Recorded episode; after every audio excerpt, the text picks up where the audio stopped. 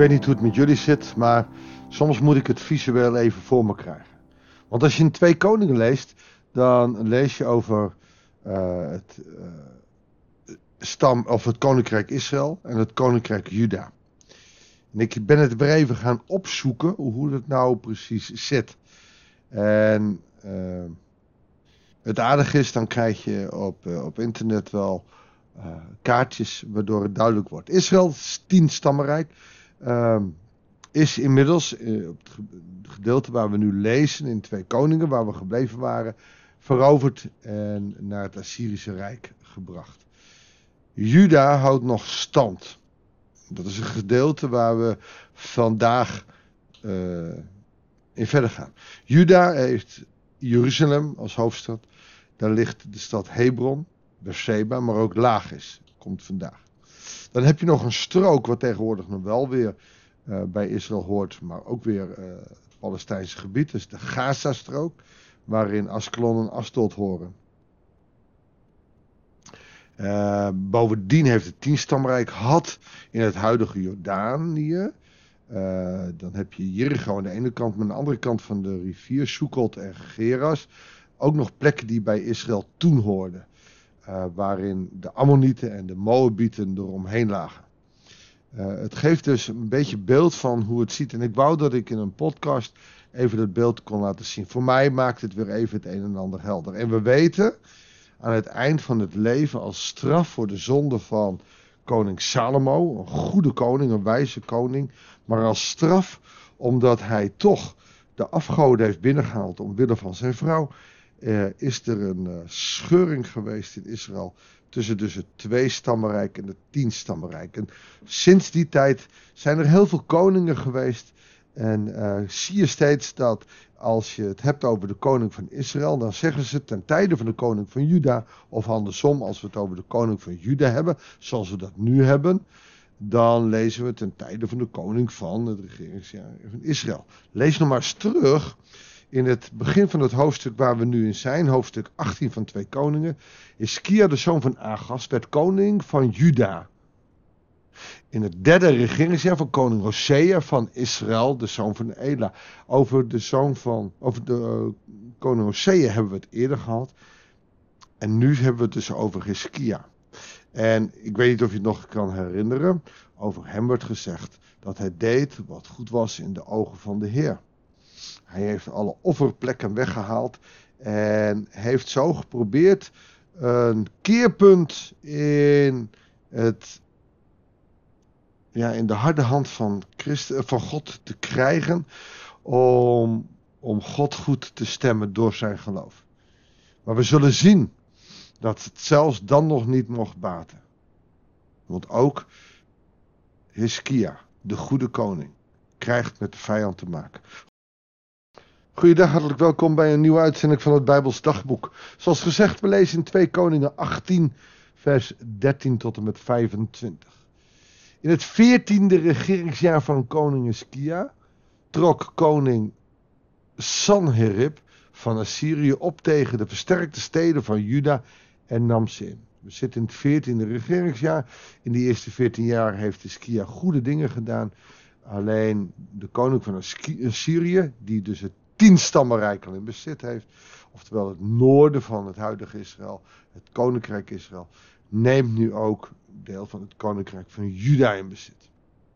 Koning Skia van Juda stuurde afgezanten naar de koning van Assyrië, die in Lagis verbleef. Dus deze koning verblijft ook in het veroverde gebied in Juda in Lagis. Dat ligt een beetje ten westen van Jeruzalem. Staak uw aanval, zegt hij. Uh, ik ben tegenover u in gebreken gebleven. Wat u mij oplegt, zal ik, op, dat zal ik dragen. De koning van Assyrië eiste van de koning Hiskia van Juda 300 talenten zilver en 30 talenten goud. En dat is een heleboel.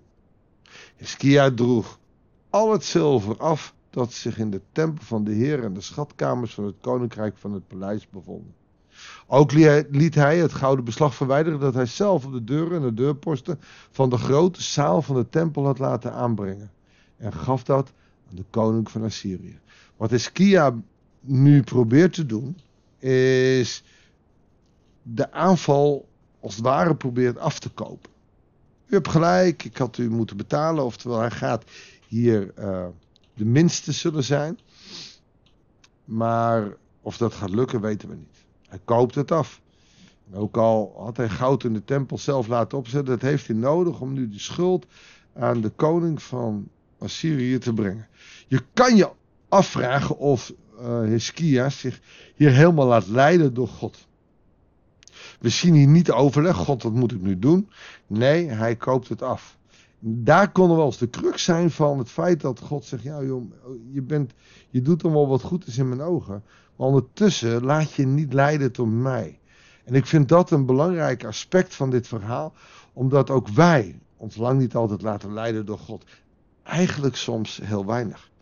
Als het ons uitkomt, of als we iets moois hebben meegemaakt, als we een soort teken zien, dan willen we zeggen: Ja, God heeft dit laten zien en, en geeft leiding. En een dag later doen we weer dingen die we zelf zo belangrijk vinden.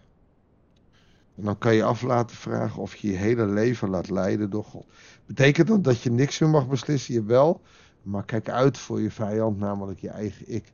We kunnen ons nog wel eens verhapstukken. Dat doet Iskia mijn hier toch ook wel. Maar hij kan het dus met zijn geloof en met zijn vertrouwen niet eh, winnen van de koning van Assyrië. En ze zie je ook dat ook al leef je heel vroom, je toch nog door het kwaad aangepakt kan worden. Oftewel, we leven in een gebroken wereld. En hoe goed iemand ook in zijn geloof is, het kwaad kan hem ook overkomen. Ik heb dat bij een paar mensen gezien die zich echt inzetten voor het koninkrijk. Ziek werden en de familie eromheen het geloof zowat kwijtraakte. Hoe kan hij of zij nu ziek worden, want hij doet toch wat goed is in de ogen van de Heer. Nou, dat zie je dus hier ook gebeuren. Dan stuurt de koning van de Syrië drie hoogwaardigheidsbekleders. De Tartan, de Rapsaris en de Rapsake. Dat zijn drie hoogwaardigheidsbekleders. Het zijn geen namen en titels. Met dat geweldige leger naar koning Skia in Jeruzalem. Ze trokken Jeruzalem op en daar hielden ze halt bij de watertoevoer naar het bovenste waterbekken. Dan heb je al een belangrijk gedeelte te pakken. Het is ontzettend belangrijk dat de watertoevoer niet wordt afgesneden. En dat kunnen ze nu doen, dus ze hebben hier macht over Jeruzalem. En ze vragen daar gewoon eerst de koning te spreken. Maar de koning gaat er niet erop in en hij stuurt zijn hofmeester Eliakim, de zoon van uh, Gilkia, de hofschrijver Sebna en kanselier Joach, de zoon van Asaf, en die gingen naar hem toe. En dan krijgen we een toespraak van de Rapsaken. En die zegt tegen hem, mooi hè, dat is een titel. Zeg tegen Hiskia, dit zegt de koning, de grote koning van Assyrië. Waarop berust toch dat vertrouwen van u? Wat je dus krijgt is een kritische preek van Rapsaken aan Hiskia. Denkt u soms dat mooie beloften opwegen tegen, strategie, opwegen tegen strategie en militaire macht?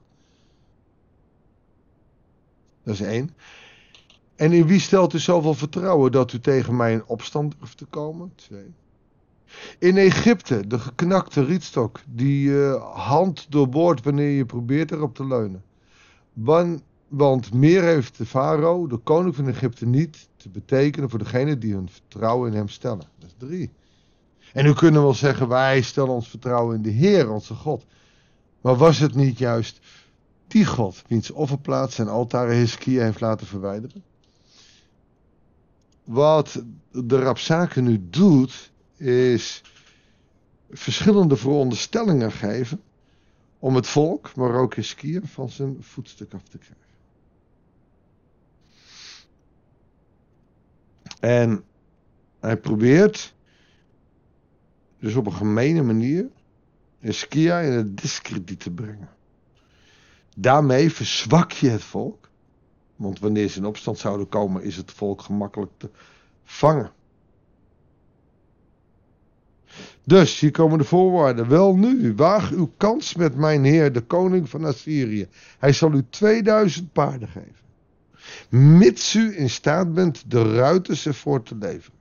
Oké, hier komt een tegenvoorstel van de koning van Assyrië. 2000 paarden, als je 2000 man hebt die die paarden kunnen bereiden. Dit is een onmogelijke opgave. Want die heeft hij niet. Het is maar een twee-stammenrijk en hij heeft het niet. Zolang u voor strijdwagens en ruiters op Egypte vertrouwt, nu komt het eh, de angel, zult u immers nog niet één enkel provinciehoofd, een van de minste dieners van mijn Heer, kunnen weerstaan. U denkt toch niet dat hij zonder instemming van de Heer is opgetrokken om Jeruzalem te vernietigen? De Heer heeft hem gezegd: val dit land aan en vernietigen. En daar komt als het ware de doodsteek van de Assyrische koning. Hij zegt hier: De Heer heeft mij geroepen jou te overvallen. Of dat zo is, dat horen we later. Maar het moet een ontzettende keiharde boodschap zijn. Voor wat Iskia hier te horen krijgt. Hij wordt aan alle kanten gepakt. En zo kunnen wij soms ook het gevoel hebben.